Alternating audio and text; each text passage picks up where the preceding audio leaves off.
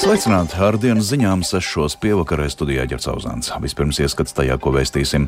Izraela turpina apšaudīt gazas joslu, ANO brīdina, ka civiliedzīvotājiem situācija ar katru stundu kļūst arvien izmisīgāka. Krievija karā Ukrainā izmanto uzlabotu dronu, kas pats identificē mērķus, tā vēst analītiķi. Stradiņu Universitātes onkoloģijas institūts sāk pārmantota krūts un olnīcas vēža skrīninga pilotu projektu, spraigas spēles un pārsteidzoši rezultāti Latvijas futbola virslīgā. Par šiem tematiem tematiem turpinājumā plašāk.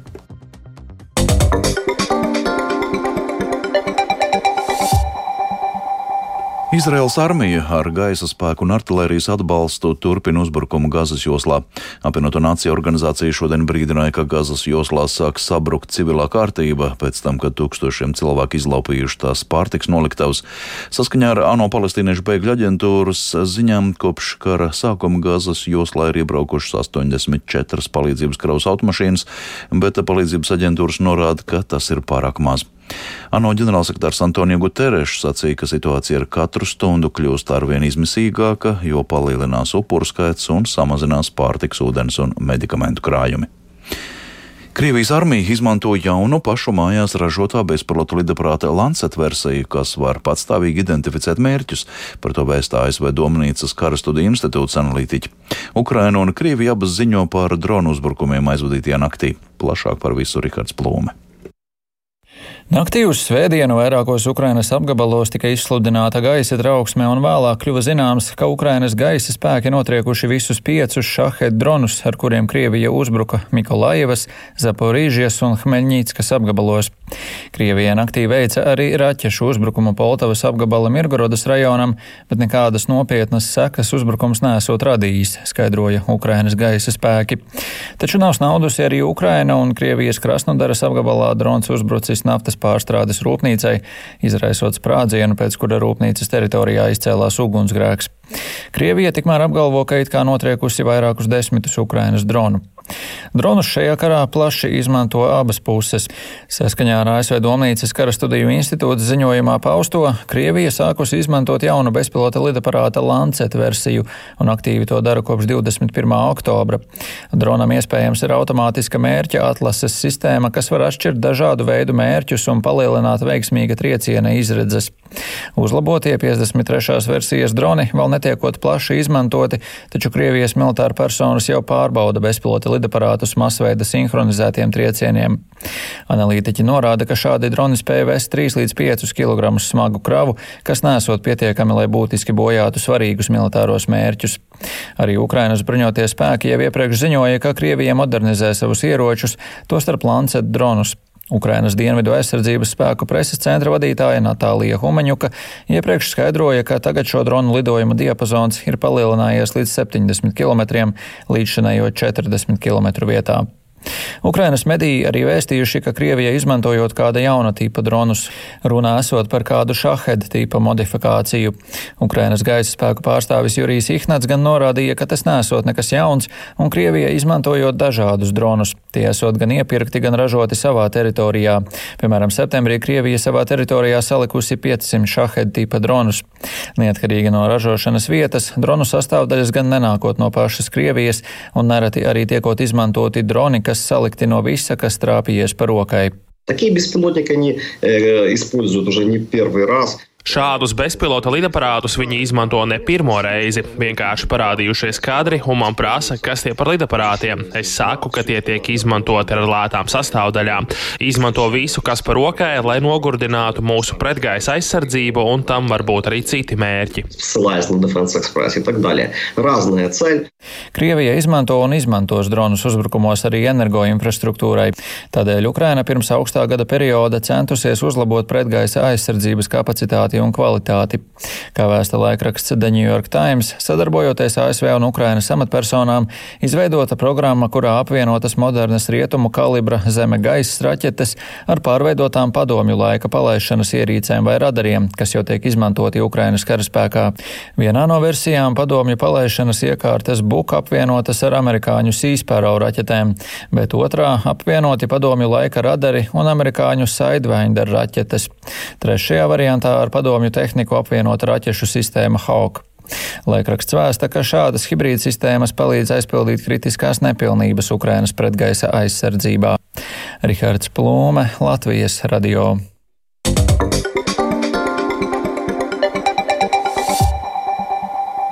Valsts drošības dienests ir sācis kriminālu procesu par iespējamu Latvijas ministru prezidents Evikas Siliņas no jaunās vienotības nomelnošanu.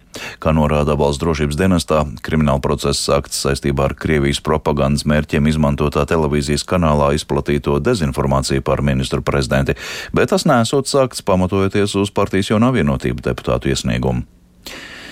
Kopš septembra Rīgas Stradiņu Universitātes onkoloģijas institūts kopā ar sadarbības partneriem sācis pārmantota krūcu nolnīcu vēža riska ģenētiskā skrīninga pilotu projektu.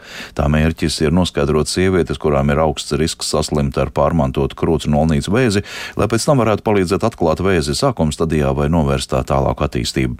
Plašāk par pilotu projektu Agnijas Lazdiņas ierakstā.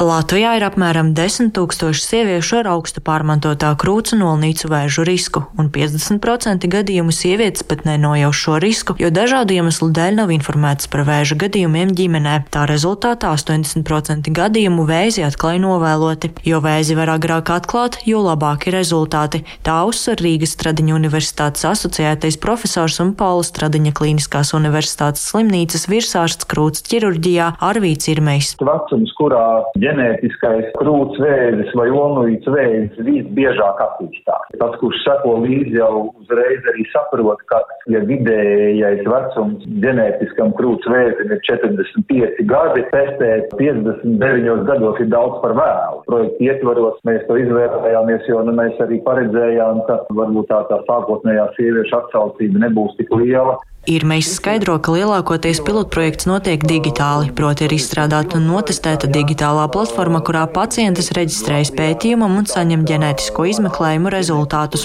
Pilotprojektā uzsākt uzaicinājumu ēpastu izsūtīšanu sievietēm, lūdzot aizpildīt dažādas novērojuma anketas un nodot siekalu paraugu, lai ģenētiskajos izmeklējumos precizētu viņu pārmantotā krūca nolnīcu vēžu risku. Ja atklāja ģenētisko saslimšanas risku, sieviete nokļūst profilaktiskajā novērošanas programmā. Pilotprojekts projektā var piedalīties aptuveni 500 sievietes. Pašlaik aktīvi iesaistījušās jau vairāk nekā 300. Skatoties uz šī brīža statistiku, ģenētiskais krūtsvēzis 80% gadījumu tiek konstatēts otrā, trešā vai ceturtā stadijā. Tikai, tikai nepilni 20% tiek atklāti pirmajā stadijā, jo skrīningu faktiski mēs varētu nodrošināt to, ka krūts vējas praktiski 100% gadījumos šis ģenētiskais krūts vējas varētu tikt atklāts pirmajā stadijā. Vērtējot pilotprojektu, Latvijas onkologa asociācijas valdes priekšsēdētāja Alinta Hegmane norāda, ka ir atbalstāma sabiedrības izglītošana par tēmām, kas saistītas ar onkoloģiju. Jebkura testēšana sevi ietver arī kaut kādus riskus, un tas ir jāņem vērā. Viens, par ko es baidos, ja netiek netiek atrasta mutācija, tas var radīt nepamatot drošības sajūtu. Es ceru, ka tā nebūs. Tas ir jāpaskaidro veicot šī, šo testēšanu, jo tas, ka nav atrasta viena mutācija, tas nenozīmē, ka cilvēks nevar saslimt ar vēzi.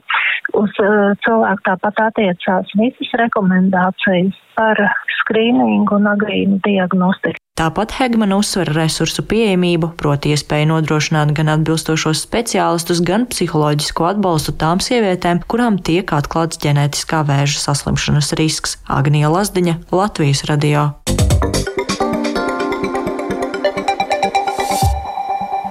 Nacionālās hokeja līnijas līdzjutēji ar lielu nepacietību var gaidīt šī vakara mačus, jo Buffalo Sabres spēle šodien notiek mums ļoti parocīgā laikā, bet Latvijas futbola virslīgā šodien jau aizvadītajos mačos fiksēti pārsteidzoši rezultāti un vairāk par visu stāsta Mārs Barks. Nacionālajā hokeja līgā šovakar agrā spēle, kas īpaši aktuāla latviešu līdzstējiem. Zemgus Girgansons un Buffalo Sabres spēlēs pret vienu no līgas labākajām komandām Colorado Avalanche. Sabres sezonas ievads nav sanācis, astoņās spēlēs viņiem izcīnot 1,6 punktus, kas nozīmē atrašanos pēdējā vietā savā divīzijā. Komandas galvenais treneris Dons Granato sarunā ar žurnālistiem uzsver, ka komandai jābūt fokusētākai, izpildot dažādas nianses.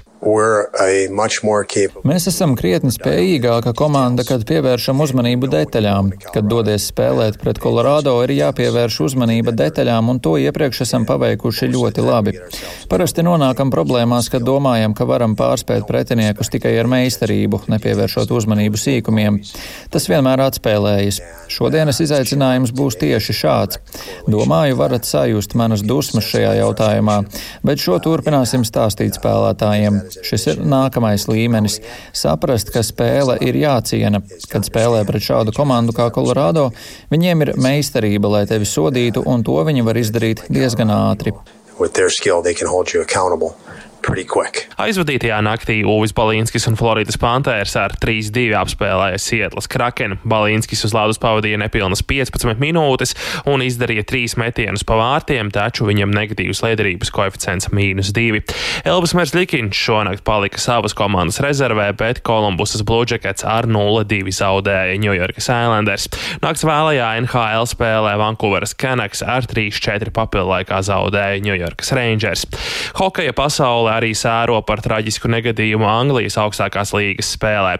Mača laikā amerikāņu hokeistam Ādamam Džonsonam neveiksmīgā epizodē ar slīdu tika pārgriezts kakls, lai arī viņam uzreiz tika sniegta ārkārtas medicīniskā palīdzība, gūtās traumas izrādījās letālas. Latvijas futbola virslīgā negaidīti pārliecinošu uzvaru šodien svinēja Meita, kas ar 4-1 sakāva Valmieru. Meitai tā ir pirmā uzvara virslīgā kopš 21. jūlija, un viņi uzlabo savas cerības izvairīt izvairīties no pārspēlēm. Savukārt Valmierai šis ir nopietns trieciens cīņā par trešo vietu. Ķekavas Auda šajā kārtā uzvarēja un tagad Audai trīs punktu pārsvars pār Valmieru. No milzīga fiasko izglābās virslīgas līdere FC Riga, kas tikai 90. minūtē panāca izlīdzinājumu un spēlēja neizšķirti 1-1 pret līgas pastarīšiem Supernovu.